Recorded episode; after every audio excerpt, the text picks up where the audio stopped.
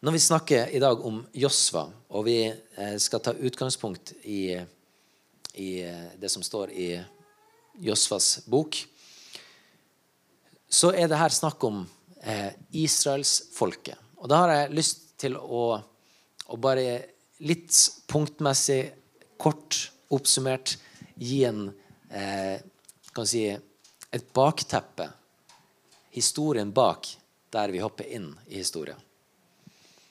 Eh, og eh, det her er for så vidt for den tida akkurat nå, med det som skjer nede i Midtøsten, Israel-Palestina, så er det her også et, eh, et, bakteppe som jeg tror vi som kristne eh, bare må eh, kjenne enda eh, mer til.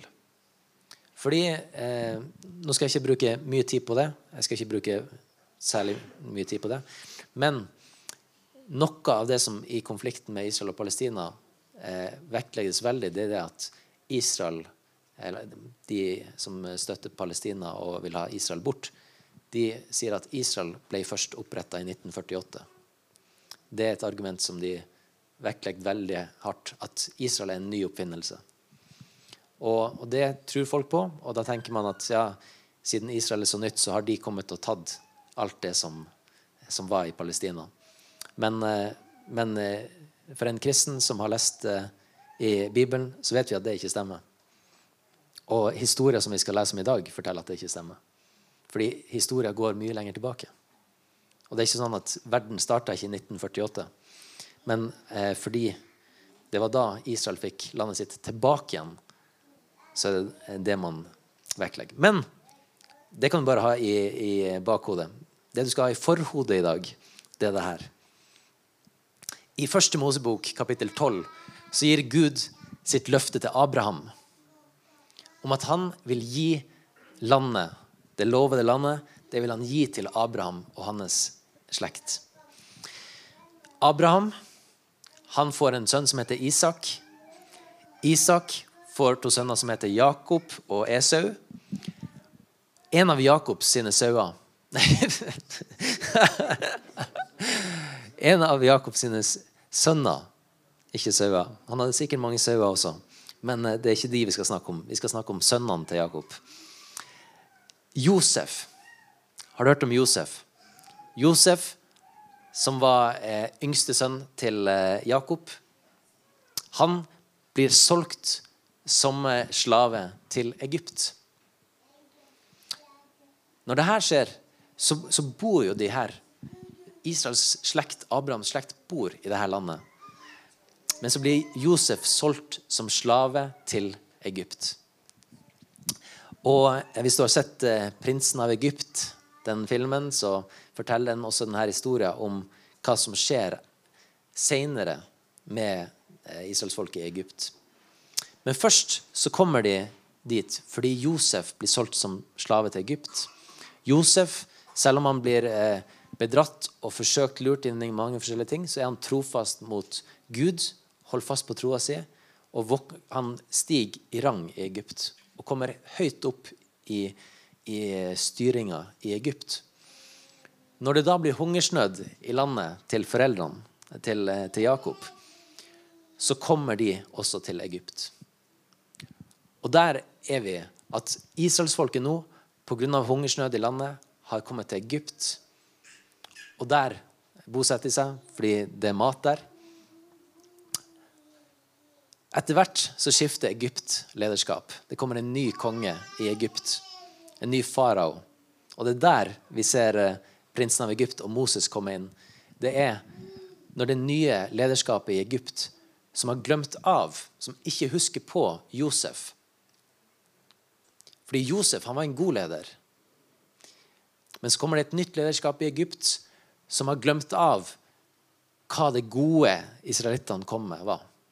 Og de ser bare at israelittene begynner å bli mange. De utgjør en trussel nå for vårt rike. De begynner å bli flere enn oss. Og Derfor setter de til slavearbeid. Så de undertrykker israelittene i Egypt fordi de ser på dem som en trussel. Og Der kommer Moses fram.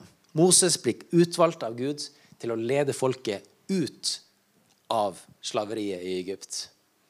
Moses han leder folket gjennom Rødehavet, og de kommer inn i ørkenen. Og tanken var jo Tanken var jo at de skulle ut fra slaveriet i Egypt og inn tilbake til landet deres, der de hadde blitt det de hadde reist ifra. Det var jo dit de ville. Det var dit de var på vei hen. Ut ifra slaveri og så inn til hjemlandet sitt. Men på veien her, etter at de har passert Rødehavet, mens de er i ørken, ikke framme enda i hjemlandet sitt, så eh, vender folket seg bort fra Gud. De synder mot Gud, de lager seg av Gud, de lager en gullkalv og begynner å tilbe den. Og, og rett og slett stoler ikke lenger på Gud. De har sett at Gud har ledet dem gjennom havet, som er helt fantastisk, et mirakel. Men allikevel så klarer de ikke å stole på at Gud skulle lede dem inn i hjemlandet sitt.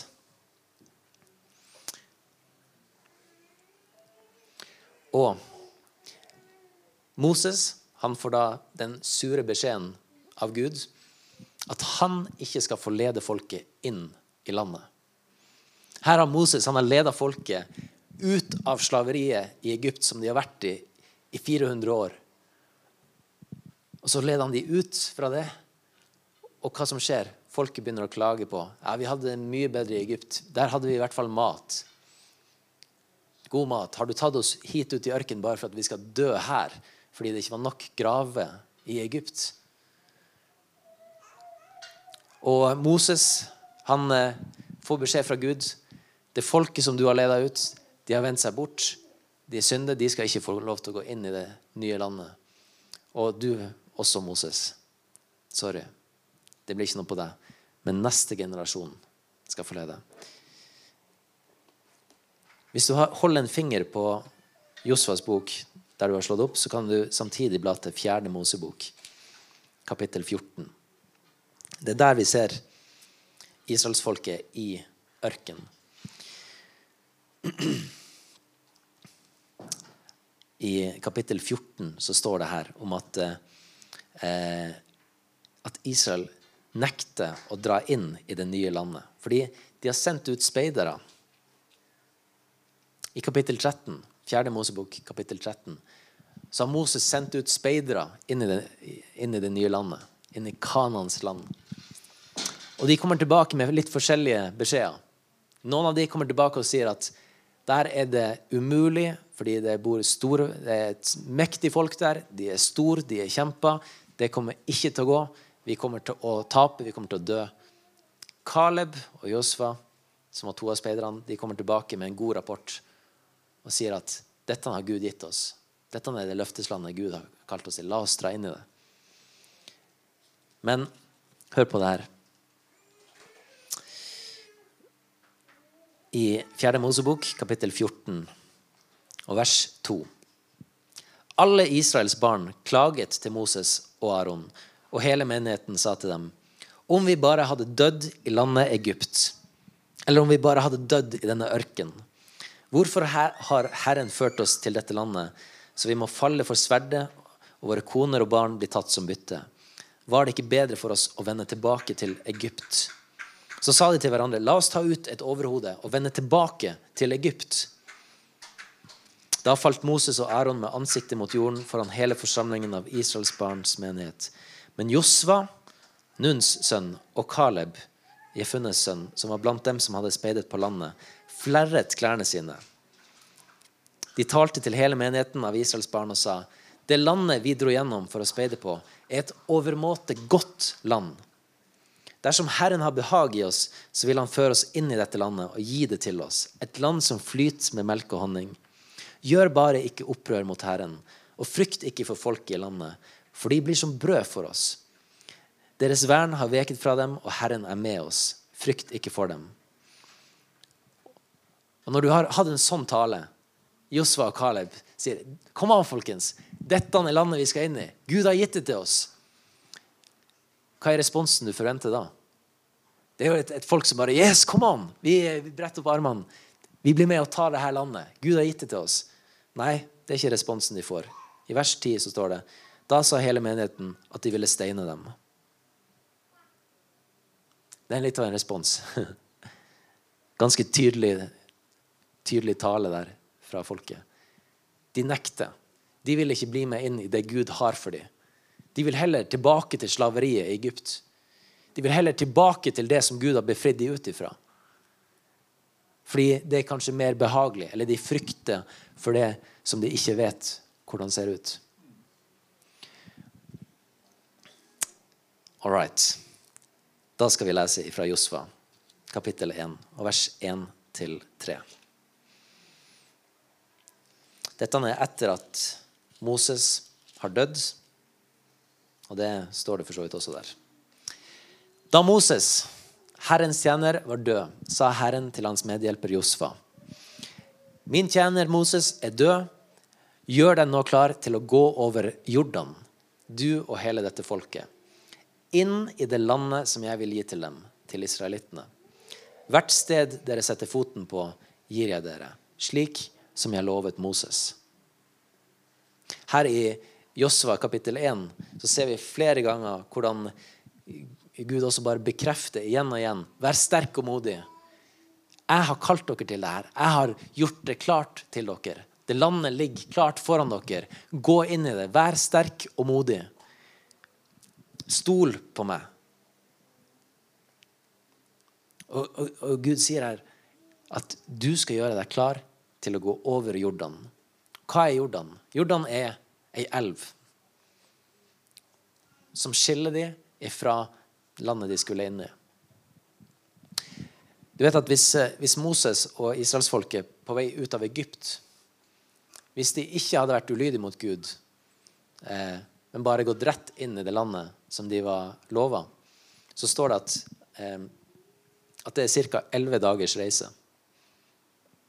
Ca. elleve dagsreise fra Sinai, der de mottok loven, til landet de skulle inn i. Men de har gått rundt der i 38 år fordi de nekta å være lydige mot Gud. Og de fikk beskjed om at nei, dere skal ikke få komme inn i det. Men nå er det en ny generasjon. Det har gått så lang tid at alle de som var ulydige mot Gud i ørkenen, de har gått bort. Og nå er det en ny generasjon som er klar for å gå inn i det Gud har lova. Og Josfa han er den som er utvalgt til å lede folket. Og her, vet du, her er våres, eh, eh, hovedfokus i dag. Det er på krysninga av Jordan. Hvis du har tatt imot Jesus som, som frelser i ditt liv, så har du blitt frelst. Du har blitt redda ut av ditt gamle liv. Samtidig så kan det være at du opplever at du ikke er helt der enda som Gud har kalt deg til å være. Eller at du opplever at du ikke er satt fri på alle områder i livet, eller at du ikke er hjemme. Du er ikke der du skal være. Og kanskje opplever du da i ditt eget liv at du er i denne ørkenvandringa, der israelsfolket de er, de er frelst. De er redda ut av slaveriet i Egypt.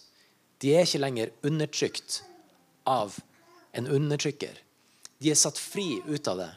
Men de er ikke helt fri enda, fordi de er ikke kommet inn i det landet som de skulle ha.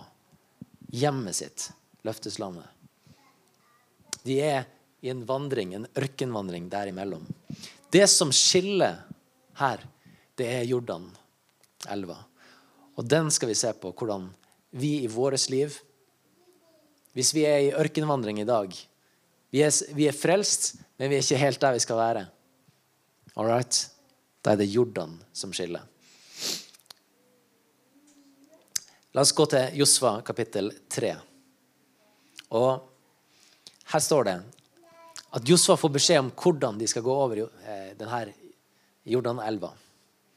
Han sier at prestene som eh, skal bære paktkista, de skal gå foran ut i elva. Det står at Jordan gikk, var ei elv som gikk over sine bredder. Så på denne tida så var det ei stor elv som kanskje eh, Det står at speiderne tidligere hadde kryssa den. Men eh, definitivt um, umulig for eh, kvinner og barn og, og dyr å krysse denne elva. Og elva rant over sine bredder. Men hør her. I Josfa kapittel 3, vers 14-17. Folket brøt opp fra teltene sine for å gå over Jordan. Og prestene som bar paktkista, gikk foran folket. Jordan flommet over sine bredder i hele innhøstningstiden. Men da prestene som bar kisten, kom fram til Jordan, og føttene deres brøt vannflaten, stanset vannet som strømmet til ovenfra, og reiste seg som en vold langt oppe. Her kommer prestene bærende med paktkista, som var der de oppbevarte eh, eh, flere ting som representerte Guds nærvær iblant dem. Oppi den paktkista så var bl.a. steintavlen med, med, loven skrevet på. Aron sin stav som, som spirte. Og den, i det, denne tida så representerte den Guds nærvær med israelsfolket. Og den eh, paktskista, eller den arken, den er også et bilde for oss på Jesus. Et, et forbilde, skygge, et skyggebilde av Jesus for oss. Og det står her at, at når de kom fram til Jordan, til elva, så står det det at når føttene deres berørte vannflata Når de tok et steg ut i elva, så stoppa det. Vi ønsker som oftest i alle våre eh, bønner til Gud eller utfordringer, så ønsker vi at Gud skal stoppe vannet før vi går over. Før vi tar et steg. Dette er en troshandling som israelsfolket gjør. Elva renner fortsatt.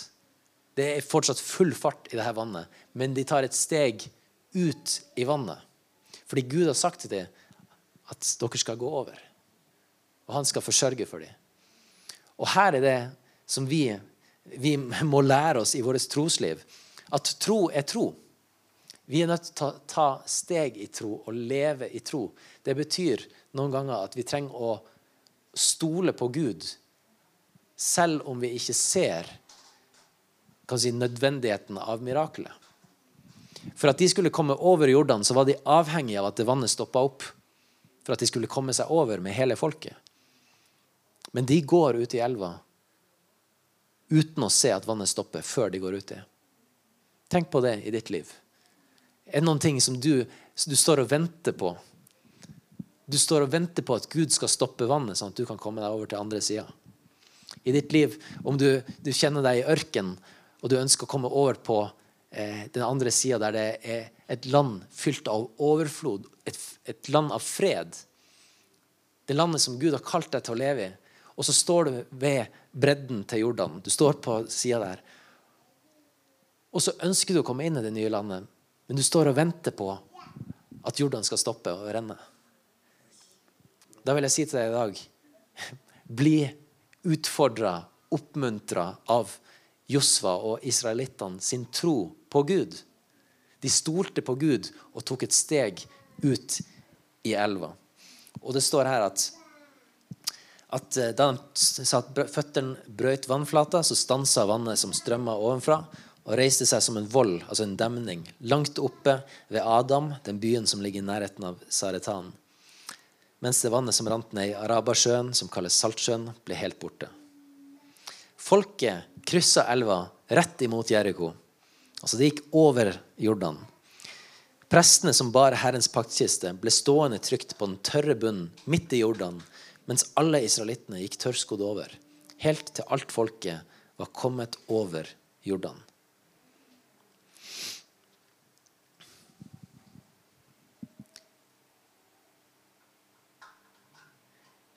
skal vi lese i Josva 4, vers 8-9. Eh, der har Josfa befalt det at de skal ta noen steiner ut fra elva og sette på land og noen steiner fra land skal de sette i elva. Der står det i Josfa 4, 8-9. Israelittene gjorde som Josfa hadde befalt dem. Midt ute i Jordan tok de tolv steiner, like mange som Israels stammer, slik som Herren hadde sagt til Josfa. De bar dem med seg til leiren og la dem ned der. Og midt ute i Jordan, på det stedet hvor prestene med paktkisten hadde stått, reiste Josfa tolv steiner. De er der den dag i dag. Tolv steiner som representerte hver av Israels tolv stammer, satt de i elva som minnesteiner om at Gud hadde ført det igjennom. Så tok de tolv steiner og satt på land. Og de, de skulle stå der sånn at til deres slekt, deres barn og barnebarn Når de spurte hva det der representerte, så skulle de si at det var til minne om at Gud førte oss gjennom Jordan. De her tolv steinene som er i elva, for oss det er et minne om at vi er døde med Kristus. Vi er begrava med han. De her tolv steinene i elva de er helt dekt. Vi ser det ikke, men de er der. Når de gikk ned i elva, som var på tørr grunn, og sto trygt der, så var det et, et bilde på deres begravelse og oppstandelse til et nytt liv. Så når da Josfas sier at vi skal sette minnesteiner der, og så skal vi sette minnesteiner på land, så hør på denne teksten i Romerbrevet, kapittel 6, vers 3-11. Romerbrevet 6, 3-11. Vet dere ikke at alle vi som ble døpt til Kristus Jesus, ble døpt til hans død? Vi ble begrava med ham da vi ble døpt med dåpen til døden. Og som Kristus ble reist opp fra de døde ved sin fars herlighet, skal også vi vandre i et nytt liv. Har vi vokst sammen med Kristus i en død som er lik hans, skal vi være ett med ham i en oppstandelse som er lik hans. For vi vet at vårt gamle menneske ble korsfesta med ham for at kroppen, som er underlagt synd, skulle tilintetgjøres, og vi ikke lenger skulle være slaver under synd. For den som er død, er befridd fra synd. Og hør på det her, i vers 8. Er vi døde med Kristus, tror vi at vi også skal leve med ham. Vi vet jo at når Kristus er oppreist fra de døde, så dør han ikke mer. Døden har ikke lenger makt over ham. For døden han døde, den døde han for synden. En gang for alle. Men livet han lever, det lever han for Gud. Og så vers 11. Dette kan du skrive bak øret, bak begge ørene dine. For det er viktig å ha dette med seg. På samme måte skal dere, altså skal du, skal jeg regne dere som døde for synden, men som levende for Gud i Kristus Jesus. Du skal regne deg som død, men du skal også regne deg som levende. Og Her er det viktig å holde tunga rett i munnen. Hva er det du skal regne deg som død for, og hva er det du skal regne deg som levende for? Det står her at du skal regne deg som død for synd, men som levende for Gud. Fordi det livet som vi tidligere levde, det er begrava med Kristus. Det er begrava med Kristus. Og du har lagt, når du ble døpt, så la du igjen den steinen i elva. Den er dekt over. Men du er ikke bare død. Du er reist opp til et nytt liv. Og Derfor har du en minnestein på, på landet også som minner om at du har blitt reist opp til et nytt liv med Kristus. Og du er ment til å leve Du er ment til å leve sammen med han. Og Moses han kunne ikke lede folket inn i det nye landet her. Moses var en representant for loven. Så uansett hvor mye Moses ønska, så fikk han høre det at du, Moses, du har gjort din jobb. Du kan lede folket så langt. Du kan få folket ut herifra, men du kan ikke få det inn i det livet som de er kalt til. Vet Josva Vet du hva navnet Josva betyr? Betyr Gud frelser. Jesus, vet du hva navnet Jesus betyr? Gud frelser. Så Josva han fikk et nytt navn. Det var Moses som ga han det navnet. Han heter egentlig Hosea, som bare betyr frelser. Men Moses ga han et nytt navn og sa du er ikke bare frelse, men Gud frelser. Så han, Josfa er et forbilde på Jesus for oss. Og på samme måte da, som Moses som representant for loven, de ti bud som Gud kom med, de kan ikke lede oss inn i det nye livet med Gud. Men de overbeviser oss om synd. De viser oss at vi trenger en frelser. Loven kom for å overbevise oss om synd. At vi trenger en frelser. Men når du er overbevist om at du har synd, og at du vil dø Det er da du kan ta og gripe fatt i frelsa, fordi du ser at nei, det her livet jeg lever, det leder bare til død. Jesus og Josva kom for å lede folket inn i det nye landet. Um, det her landet som de gikk inn i, Kanans land, som, som det heter Et forbilde på himmelen, på, på, det landet vi skal til. Men også, og kanskje for vår selv her, først og fremst et bilde på det landet eller det kongedømmet eller det riket som vi er kalt til å leve i i dag. Vet du at, at eh, når Jesus lærte folket, disiplene, å be, så sa han bl.a. det her Kom med ditt rike, la din vilje skje. På jorda som i himmelen. Det betyr at Guds rike og Det ser vi i flere av evangeliene, hvordan Jesus snakker om at Guds rike er kommet nær dere. Guds rike er kommet ned til jorda. Og vi er ment, som disipler av Jesus, til å bære videre Guds rike. Og hva, er, hva betyr det? Guds rike. Du vet at et rike, altså kongedømme, et, et land altså Kongedømme er kanskje det beste navnet på en måte på det. Fordi det forteller noe om at det er en konge der. Og hans domene, eller det området som han har makt over, det kongedømmet, det riket, det skal få lov til å ta plass. Når vi snakker om Guds rike, at vi ønsker at Guds rike skal komme her på jorda, så betyr det at Guds sannhet skal få lov til å ta plass i vårt liv. Det betyr at Guds løfter til oss skal få trumfe over det verden sier til oss. Eller det livet vårt i synd. Når en person vender seg om fra synd og begynner å leve i rettferdighet, så er det at Guds rike har kommet til den personen. Den har begynt å leve på et nytt sett, i et nytt land. Og vi er kalt til å leve i det nye landet her. Vi er kalt, ikke kalt til å leve i slaveri i Egypt. Hvis du lever i dag i slaveri, bundet Du er ikke i Egypt, du er i, i, Tromsø, men du kan allikevel oppleve at du blir holdt like eh, tight i et slaveri som israelittene i Egypt. Gud kaller deg ut av slaveri og inn i et nytt land. Men du trenger Jesus. Du trenger å venne deg til Jesus og la han være din frelser. Fordi du kan ikke gå ut av det der sjøl. Du må bli leda ut av det gjennom en som har gått i døden og blitt reist opp igjen for deg. Siste uke så eh, snakka vi om at, er, at synden hersker gjennom døden.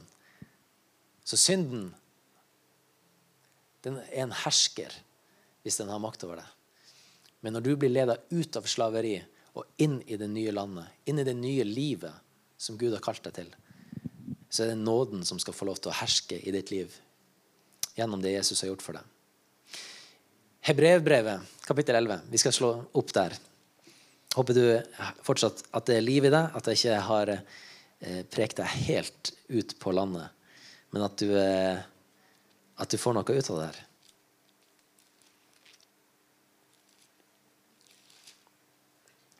Hvis du går til Hebrevbrevet kapittel 11, som er et eh, kapittel som, eh, som snakker masse om tro. Det, dette kapittelet eh, kan man ofte kalles liksom, det store troskapittelet. fordi her leser vi om flere av de som gikk foran og var forbilder i tro. Blant annet leser vi om Abraham, vi leser om Moses, vi leser om Josva. Og så står det annet at Tida ville ikke strekke til om de skulle skrevet om Gideon og Barak, Samson og Jefta, David, Samuel, profetene. Altså, her er mange forbilder i tro. Eh, gå til vers 29 og 30 der. For der står det om det som vi har snakka om i dag. I vers 29 og 30 så står det I tro så gikk israelittene gjennom Rødehavet som over tørt land. Men da egypterne prøvde på det samme, drukna de. Ved tro falt Jerikos murer da folket hadde gått omkring dem i sju dager. Ser du hva som mangler her? Mellom vers 29 og 30 så skjer det som vi har snakket, det er delt om i dag. I vers 29 så står det at israelittene gikk gjennom Rødehavet. Det var deres utvei fra Egypt. Det var når de gikk, når Moses leda dem gjennom Rødehavet, på tørt land. Så imellom de her to versene så har israelsfolket levd i ulydighet i nesten 40 år. Før Josva leder de gjennom Jordan. Og når Josva etter 40 år i ulydighet og ørkenvandring har ledet de inn, så ser vi i troskapitlet Hebreerne 11, at ved tro så falt Jerikos murer. Fordi det var der, det var den første byen eh, Josfa ledet folket inn i når de hadde passert Jordan. Så her snakker Hebrevbrevet om at de gikk ut ved tro, og så seira de og inntok landet i tro.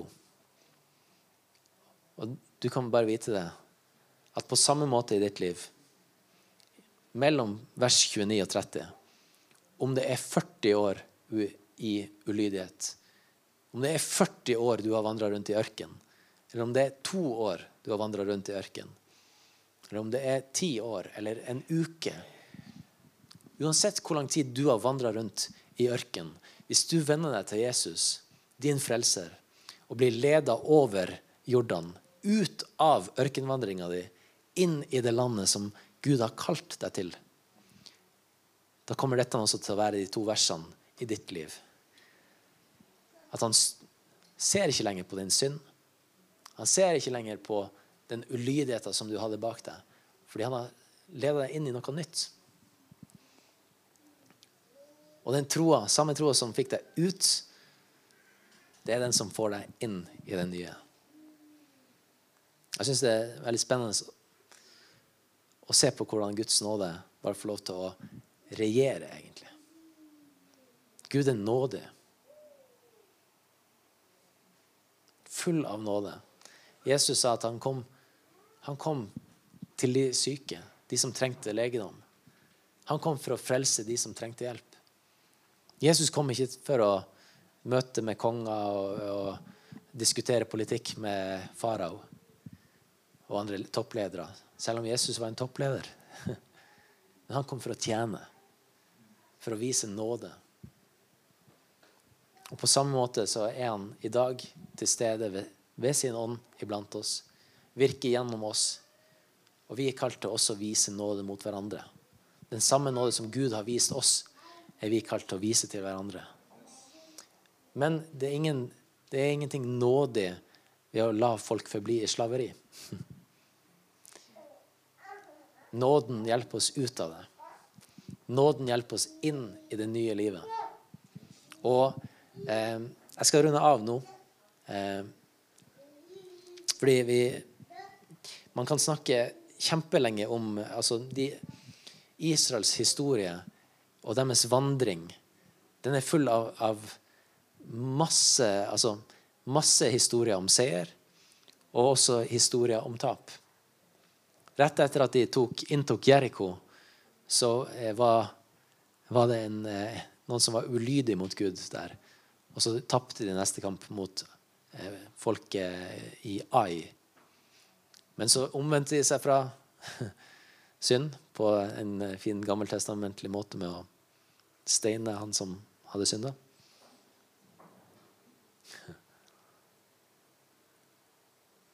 Jeg er glad vi lever i den nye pakt, den nye tid, der det er nåde.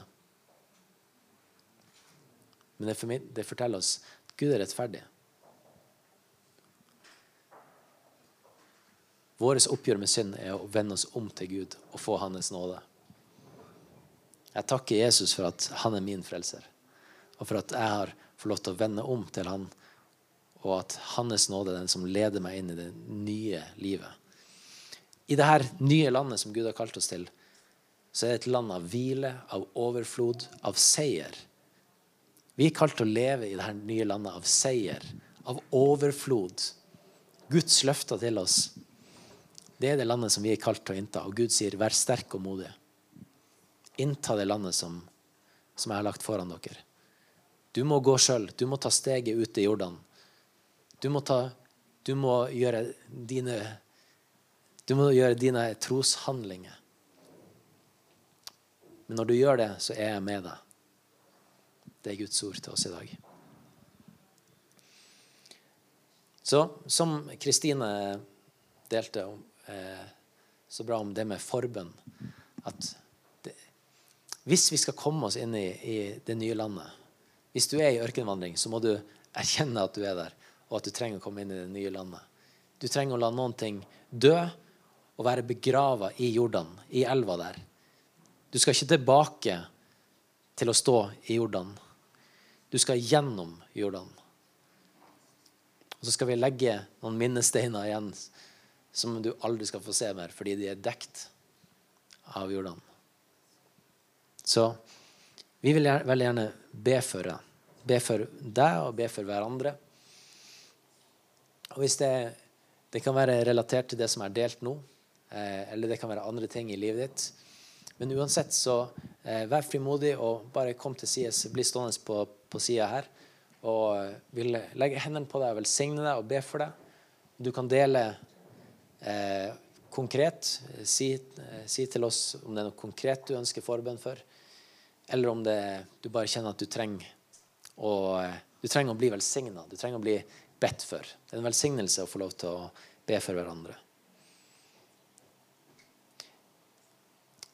Men eh, la dette historien om Josva som leder folket inn i landet Ikke la det bare være historien om israelsfolket langt tilbake i tid.